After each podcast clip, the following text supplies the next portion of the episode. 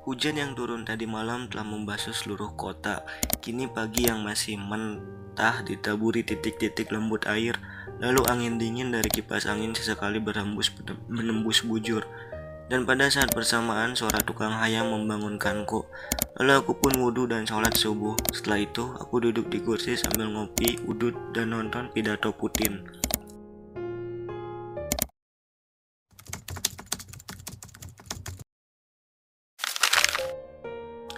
Tepat di pukul 08.20, aku memutuskan untuk indit keluar karena di Imahwai membuat cirahku jangar.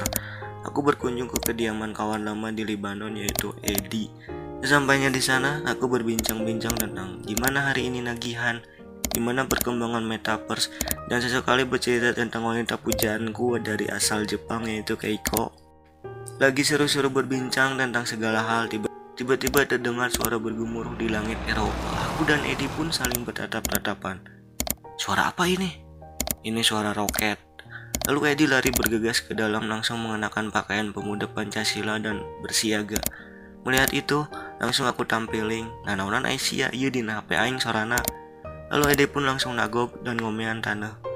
Berbarengan dengan itu, Edi bercerita tentang nasib sepenanggungnya yang sesama tukang nagihan di Ukraina.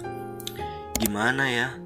Yang nagihan di Ukraina lagi nyantai di pos habis nagihan tiba-tiba dengar suara roket. Lalu aku menjawab, itu belum seberapa. Gimana nasib tukang nagih kembung, subuh-subuh lagi nungging membuat adonan, tiba-tiba bujurnya repet roket. Mendengar itu, Edi pun menangis dan tidak bisa berkata-kata. Sungguh berat hidup sebagai pedagang di Ukraina. Lalu Edi menceritakan pengalamannya waktu ikut perang mengusir Thailand. Mendengar itu, langsung aku tampilin lagi Edi. Thailand macan perang ngejajah Indonesia, belegug, ucapku kesal. Lalu aku memberitahu Edi bahwa yang menjajah Indonesia itu Taiwan. Edi pun bangun di tempat duduknya dan langsung menampilinku. Aku pun tak terima dan kami pun pasya hebat. Lalu kami dipisahkan oleh Putin. Edi pun mengakui kesalahannya dan meminta maaf padaku. Lalu Putin ingin kembali ke Rusia.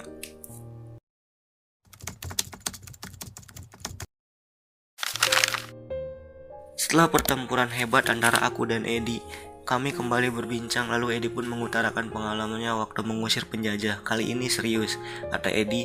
Sebelum menginvasi penjajah, Edi dan bala tentara selalu memutar lagu untuk mengobar semangat seperti lagu Mujahid dan Ahok Durjana. Itu mantra yang manjur untuk menang perang dengan memutar lagu. Lalu aku pun menjawab bahwa Rusia juga melakukan hal itu. Sebelum perang, Putin mengeluarkan 5 juta speaker di atas roketnya dan memutar lagu dan memutar lagu perang yaitu Tokechang. Dengan lagu Tokechang, semua bala tentara Rusia bisa menghayati perjuangan para pendahulunya dan bisa membakar semangat para tentara. Edi pun bengong dan bertanya, "Apa iya Tokechang itu lagu perang?" Aku pun meng, aku pun ngeceskan rokok dan menjawab, iya, menurut penelitian Ben Sleo pengamat musik, Tokechang adalah lagu perang pertama di dunia dan ketika musuh mendengar itu, mereka akan bunuh diri. Begitu kuat daya magis dalam lagu Tokechang. Menurut catatan sejarah, Tokechang tercipta ketika sedang ala toke. Jadi keheranan bertanya, di mana nuansa perangnya? Aku menjawab bahwa justru itu sedang perang melawan toke. Edi pun menganggukkan kepalanya dan mengerti. Suasana sudah semakin gelap dan pas sadar kita berbincang sudah sangat lama. Aku pun pulang sambil mendengarkan tokecang.